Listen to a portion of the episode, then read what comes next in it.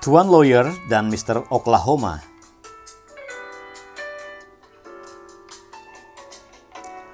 Quraisy berhenti sesaat.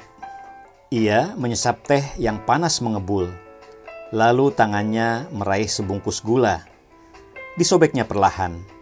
Gagal. Ia berusaha lagi, tetap gagal. Ia melirik Baim, Ibrahim Assegaf, menantunya yang menikahi putri kedua, Najwa.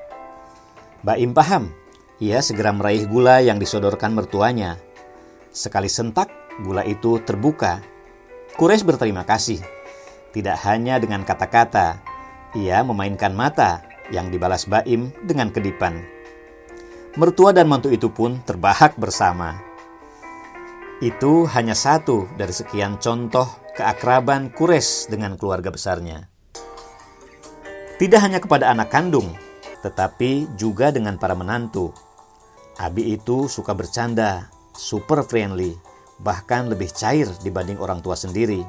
Kata Baim, orang tua Baim seorang tentara yang menurutnya cenderung serius.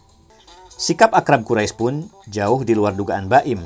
Maklum, ia akan menikahi putri tokoh agama yang kondang. Kawin dengan anak ulama pasti setiap hari akan diceramahi, kata Baim, mengenang masa sebelum pernikahan dulu.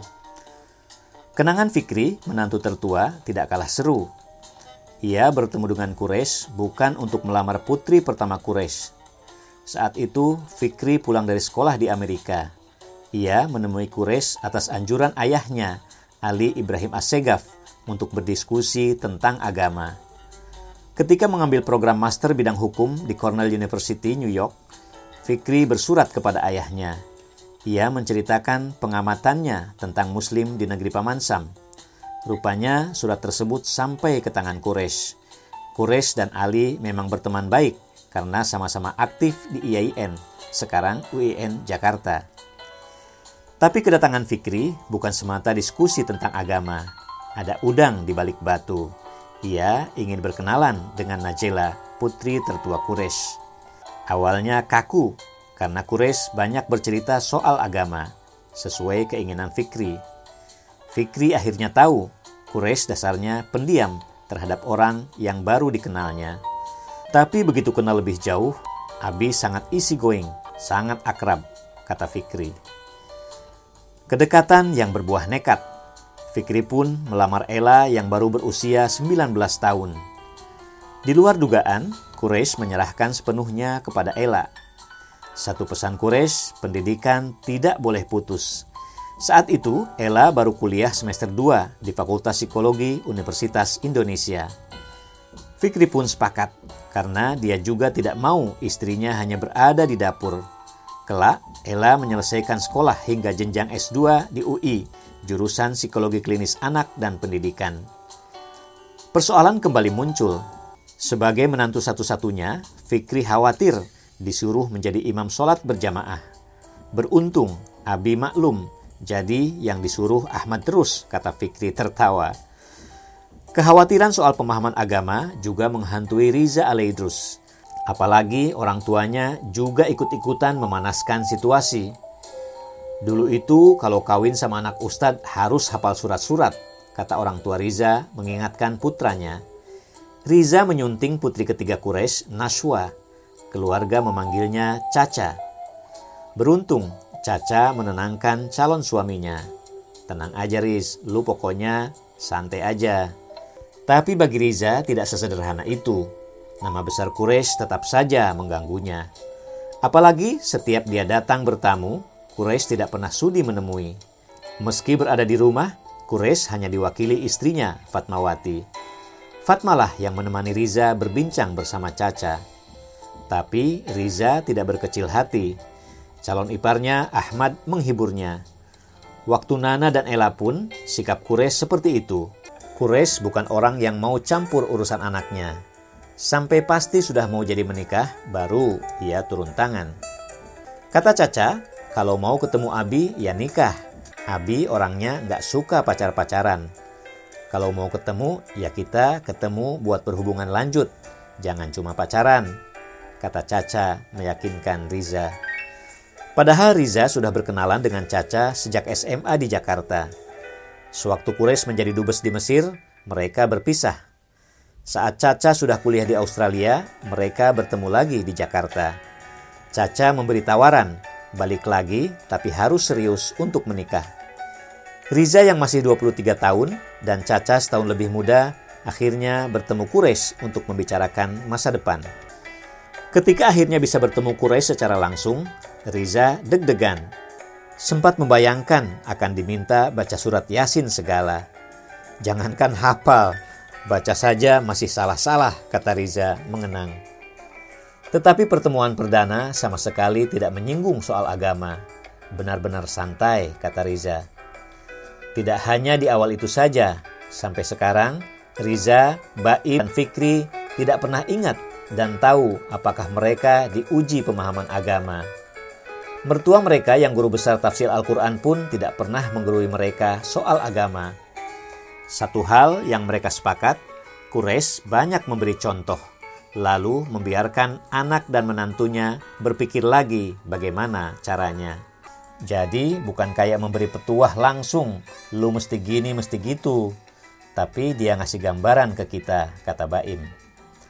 Bahkan meski menyandang nama besar di bidang agama, tak berarti Quraisy enggan mendengar.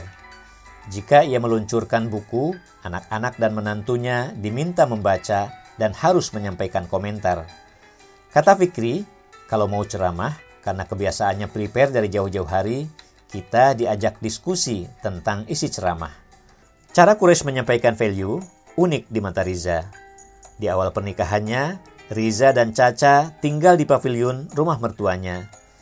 Ia suka menonton hal-hal berbau tato, karena sepengetahuannya tato itu haram, jika mendengar suara mertuanya, ia buru-buru mengganti channel. Tapi celaka, suatu kali Kures terlanjur melihat. Jangan ganti. Abi juga mau lihat orang disiksa, kata Kures sambil duduk di sebelah Riza. Riza terkesiap. Keduanya lalu menonton bersama. Kures bertanya banyak tentang acara itu. Sebaliknya, Riza bertanya tinjauan agama terhadap tato. Kata Abi, itu memang haram. Dulu dilarang karena orang bertato itu menunjukkan anti-Islam. Tato itu kan cap yang masuk ke dalam kulit, jadi itu mengganggu wudhu, kata Riza mengulang penjelasan mertuanya. Bukan soal penjelasan fikihnya yang berkesan bagi Riza, melainkan cara Kures bersosialisasi dan beradaptasi. Bagi Riza, Abi itu demokratis banget. Ada saja cara Kures bercanda dengannya, kalau Baim disapa Tuan Lawyer, Riza akrab dengan sebutan Mr. Oklahoma. Sebabnya sepele. Suatu kali saat kumpul keluarga untuk berziarah, Riza memakai t-shirt bertuliskan Oklahoma. Kali lain saat liburan bersama ke Bali, Riza memakai baju yang sama. Rupanya Quraisy terkesan. Ia lalu menyapa Riza dengan Mr. Oklahoma. Saking terkesannya, Quraisy beberapa kali memesankan kaos bertuliskan Oklahoma kepada sejawatnya yang melawat ke Amerika. Selain panggilan Oklahoma, Riza juga disapa sang miliuner. Bedanya, jika Oklahoma hanya sapaan sambil lalu, sang miliuner bernada sindiran. Lagi-lagi ada value di baliknya. Ceritanya, saat keluarga liburan ke kampung halaman Kures di Makassar, mereka berenang bersama di pantai. Setelah bersalin baju, Riza membuang kaos yang sudah berumur 8 tahun. Ia merasa repot harus membawa baju yang sudah basah. Di dekat tong sampah, rupanya ada Kures yang menyaksikan pembuangan baju itu. Ia tampak tidak senang, lalu bilang, Enta abi juluki miliuner ya, sudah buang-buang baju. Kures memang pantang membuang baju. Kalau sudah tidak dipakai, sedekahkan, kata Kures. Riza pun mengalah. Ia membungkus lagi kaos tua itu. Soal pakaian robek, Ahmad dan Riza pernah jadi korban. Layaknya anak muda masa kini, mereka menggunakan jeans robek. Quraisy yang melihatnya kontan menegur. Kenapa celananya? Mau Abi belikan celana yang gak bolong? Sejak itu, Riza gak pakai lagi sampai sekarang. Sikap ini berbeda terhadap celana pendek. Riza yang gemar olahraga tentu hobi memakai celana pendek dan sepatu kets di awal pernikahan, celana pendek terpaksa masuk lemari. Meski Caca meyakinkan tidak ada larangan bercelana pendek, Riza tidak mau gegabah. Beban sebagai menantu ustadz ternama membuatnya sungkan. Masa ke rumah kiai pakai celana pendek? Begitu, pikir Riza. Tapi setelah beberapa kali bertemu Ahmad, Baim, dan Fikri asyik bercelana pendek, Riza pun kembali ke habitatnya. Meskipun semuanya tetap menutup aurat dengan celana pendek di bawah lutut.